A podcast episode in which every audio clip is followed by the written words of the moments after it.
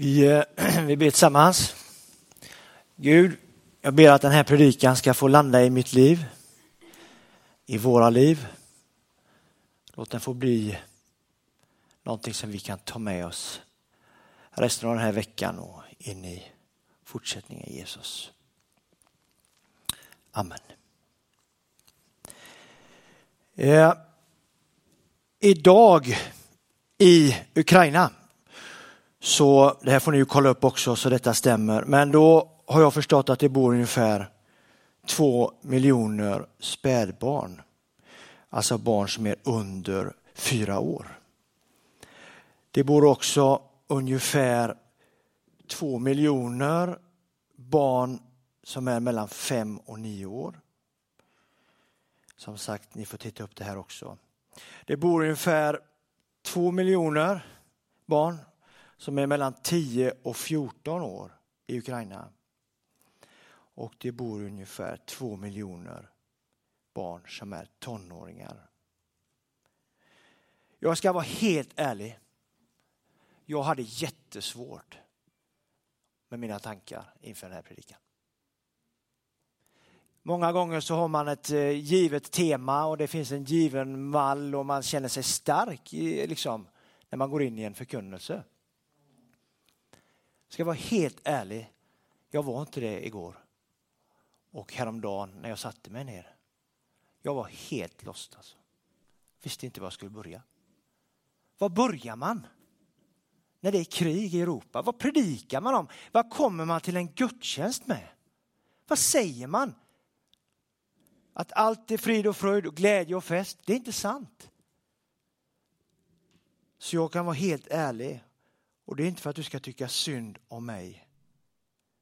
Men det är för att ibland så blir det inte som man har tänkt. I Saltaren 86 så står det så här. Hör mig Herre och svara mig. Jag är hjälplös och fattig. Beskydda mig. Jag är trogen. Rädda din tjänare som förtröstar på dig. Du är min Gud.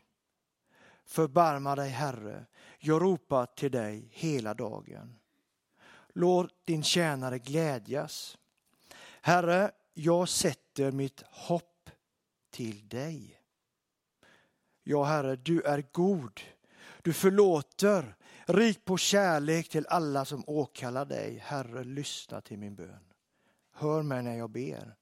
I nödens stund ropar jag till dig och du svarar mig. Herre, bland gudar är ingen som du. Inga gärningar är som dina. Alla de folk du har skapat ska komma och tillbe dig, Herre, och de ska ära ditt namn. Ty du är stor, du gör under, du ensam är Gud. Visa mig, Herre, din väg så att jag kan vandra i din sanning. Lär mig att helhjärtat vörda ditt namn. Jag vill tacka dig, Herre min Gud, av hela mitt hjärta och alltid ära ditt namn. Jag fick frågan en gång på en konfirmation. Vad kommer det sig att det finns så mycket krig i världen. Och jag sa till den här konfirmanden att det börjar hos mig. Det börjar hos mig. Vi måste börja hos oss själva. Eh, Olof Palme sa så här en gång, ungefär, att hatet är inte början på ett krig. Utan hatet börjar vid våra frukostbord. Föraktet för människor börjar liksom inte helt plötsligt. Utan det börjar ju hur du och jag pratar hemma, bland våra vänner, på våra jobb, i våra sammanhang. Det är där det börjar. Vi kan tycka jättemycket om kriget som är nu i Ukraina. Men vi måste också gå till oss själva och fundera, hur är jag med människor? Hur påverkar jag andra människor? Hur kan jag hjälpa människor? Hur ser jag och hur pratar jag hemma? Om man nu har barn, det är inte alla som har det. Men om man har det, hur pratar du med dina barn om andra människor? I eh, Frölunda Skandinavium så hänger en banderoll eh, och där lyder orden aldrig hata, bara älska. Jag har funderat på det. Vad är det som gör att vi människor hamnar i de situationerna? Vad är det som gör att en människa väljer att starta krig mot andra? Storskaliga krig, mindre krig, konflikter över världen, men också konflikter i familjer och relationer. Vad är det som gör det? Och temat här är ju kärlekens väg. Fantastiskt bra tema för den här gudstjänsten. Fantastiskt bra tema. Kärlekens väg. Många säger att eh, krig börjar i religionen. Jag tror inte att det stämmer. Du behöver inte hålla med mig. Jag tror absolut inte att det stämmer. Man kan absolut hävda att det finns religionskrig. Det kan vi absolut göra. Men inte på grund av religion som vi krigar. Det stämmer inte. Jag tror inte det. I min bibel så läser jag att det är kärleken till mina pengar som är roten till allt ont. Det är där det börjar. Om jag läser min bibel så är det det jag läser. Kärleken till mina tillgångar är roten till allt ont. Det är där det börjar. Det är det som gör, tror jag, att människor vill ta över andra länder. Det är där det börjar. Det är girigheten som skapar krig. Det är inte religionen. Religionen har säkert en del i det. Men det är girigheten som skapar krig. Jag vill ha mer. Du vill ha mer. Makthavare vill ha mer. Man är inte nöjd. Religionsledare accepterar inte oliktänkande och man vill ha mer. Stora ledare vill ha mer land, mer pengar. Och girigheten är fruktansvärd i vårt land och den börjar hos mig. Och vi kan fastna i jättemånga olika frågor. Vi kan fånga, fånga jättemånga olika frågor som vi kan fastna i. Men när Jesus tittar på mig och så ser han att jag har två bilar hemma. Det bekymrar nog honom ännu mer, om jag ska vara ärlig. Det bekymrar nog honom lite grann det där. Behöver jag det? Nu ska inte jag glömma sälja mina bilar bara för att jag säger så. Men jag tror att det kan bekymra honom ännu mer. Än att vi inte alltid tänker så lika. Att vi inte landar alltid i hur vi tolkar och läser vår bibel. Jag tror Jesus har mer bekymmer med att jag har två bilar hemma. Det tror jag. Och jag tror vi måste börja inse det. Att vi behöver leva ett mer generöst liv. Så kommer det att skapa en bättre värld. Hålla med varandra om allt? Nej.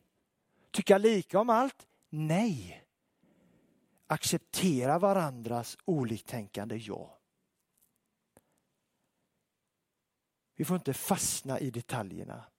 Vi måste börja inse att vi med våra liv ska leva generösa, förstående och intresserade. Jag var med på ett, eh, event häromdagen. Det heter Tappra barn. Fantastisk organisation som hjälper BUP, man hjälper Singoalla, man hjälper organisationer med att hjälpa barn helt enkelt. Fantastisk organisation. Och jag var på en middag med ett, ett jättestort gäng och där sitter jättemånga olika företag. Och lite fint så säger man branschkollegor. För man, man är konkurrenter i vanliga fall på marknaden. Men när det kommer till givandet och när det kommer till att ge till människor som brottas, som lider och som har det svårt, då sluter man upp. Då är det inte så viktigt längre. Att brända sina märken. Det kan man göra också. Det kan man göra sen. Men just där och då så sluter man upp och så ger man av sin tid, av sina pengar, av sin kärlek till andra människor. Det gör någonting och när man pratar med dem som är där så förstår man att det finns ju människor där som egentligen inte behöver jobba mer. Men man känner att det här är ju mer värt än det jag har byggt under hela mitt liv. Så det här att få vara med och ge av kärlek, omsorg och tillgångar till andra människor, det är det som betyder något. Till slut. Och jag tror att vi behöver landa i det. Varför behöver vi det? Jo, för att Jesus valde alltid kärlekens väg. Jesus levde ett otroligt generöst liv. Han var tillgänglig. Han fanns för människor. Han tyckte inte lika med alla människor. Absolut inte. Och han hamnade i diskussioner med människor. Det gjorde han absolut. Men i grunden så var han intresserad. Det är så jag ser på min Jesus. Eller min, på Jesus. Så har jag den bilden av Jesus. Att han var generös med sin tid och med sin kärlek till andra människor. Och jag läser om det. Konfirmanderna frågar hur kan, man få, hur kan man få lära känna Jesus då? Kan ju någon konfirmand fundera över. Eller du också kanske. Här i, i bibel så läser vi om Jesus. Och jag tänker att om de flesta makthavare skulle läsa den här bibeln på ett sunt sätt, inte bara för att skaffa sig egna fördelar, så skulle man inse att man kanske ska öppna gränser istället för att ta över andra länder. Så tänker jag. Och vi har ibland hamnat i ett läge där vi eh, som kristna, jag kan bara gå till mig själv, där man hamnar i ett läge där man tänker sig vi ska inte säga för mycket och, och det har varit liksom en ibland en sanning så här, tänker jag. Vi ska inte säga för mycket att man ska läsa Bibeln. För det blir jobbigt för folk då. Att man ska läsa Bibeln ska vi inte säga för mycket. Vi ska inte heller säga för mycket att man ska be mer. För det är också så här, ah, det får vi inte säga för mycket. För då kan folk tycka att det blir jobbigt. Och jag tänker att om, om jag kan bara se på mitt eget liv. Jag är, inte, jag är inte i närheten av riskzonen att läsa min bibel för mycket. Inte i närheten. Helt ärligt. Jag är inte i närheten av att hamna i ett läge där jag ber för mycket. Men jag kan ofta säga det. Att vi ska inte utmana för mycket där. Men jag tänker tvärtom. Jag tänker så här. Vi behöver läsa vår bibel mer. Helt ärligt. Jag tror det. Jag tror att vi behöver ha mer av Bibeln i våra liv. Inte för att vi ska verka duktiga inför andra människor. Inte för att jag ska checka av en, liksom en lista att nu har jag gjort det och det och det. Utan det har ju med mitt hjärta att göra. Det är vad det gör med mitt liv. Det är för min skull jag läser. Det är inte för någon annan. Det är liksom inte, utan det är för min skull. Och till slut också så kommer det mynna ut hur jag ser på andra människor. Så vi behöver läsa om Jesus, vi behöver följa hans liv. Hur är han? Kärlekens väg finns att läsa. Vi behöver läsa mer i vår bibel. Och framför allt kanske om hur Jesus levde med sitt liv. Och det börjar hos pastor Daniel. Ju mer vi umgås med varandra, ju mer lär vi känna varandra. Ju mer vi umgås, ju mer lär vi känna varandra. Ju mer jag umgås med min bibel, ju mer lär jag känna den och Jesus. Och ju mer vill jag läsa, ju mer vill jag ha av Jesus. Kärlekens väg. Den ultimata kärleksgåvan. Det är när Jesus blir människa. Det är när Jesus blir människa, kommer ner till oss här och lever bland oss och sen dör på ett kors. Och den här resan börjar med fastlagssöndagen. Den här resan mot påsken här. Det börjar nu. Och Jesus han dog och uppstod för oss. För att vi skulle se med kärleksfulla ögon på människor. Inte hat och förakt. Det har varit jättejobbigt. Och jag har funderat över väldigt mycket i en sån här förkunnelse. Jag tänker, låt oss tillsammans som församling sluta upp kring detta med kärlekens väg. Att leva ett generöst liv. Så om jag har två bilar, att jag så fort någon frågar kunna erbjuda den att den får låna den bilen. Att vara generösa med våra tillgångar. Att kunna bjuda på det. Låna min bil, använd den, kör den. Vi har en till. Att vi ödmjukar oss inför människor. Och att vi kan leva ett mer kärleksfullt liv till andra människor. Och det börjar hos mig. Det börjar hos mig och hos dig. Det var vad jag ville dela. Ta det med dig in i den här veckan och in i ditt liv. Vi ber tillsammans. Gud, ja, vi kan bara sucka någonstans inför det som sker. Och jag kan bara sucka inför hur jag ser på människor. Jesus lär mig att oavsett Jesus, om jag inte tycker lika med människor, att jag ändå ser på dem med kärlek. Jag önskar det Jesus. Jag önskar att jag som kristen, som efterföljare till Jesus, också ska kunna få leva det livet så gott jag kan, Herre. Och förlåt mig de gångerna när jag inte gör det. Förlåt mig de gångerna när jag tar en annan väg. Jesus, dra mig tillbaka till kärlekens väg då. Till korset, till uppståndelsen, det eviga livet, hoppet att vi kan få vända oss till dig Jesus. Vi ber för alla ukrainare. Vi ber för alla kristna ukrainare som just nu gör väldigt mycket. Vi ber för alla som inte har en tro överhuvudtaget i Ukraina som gör väldigt mycket också.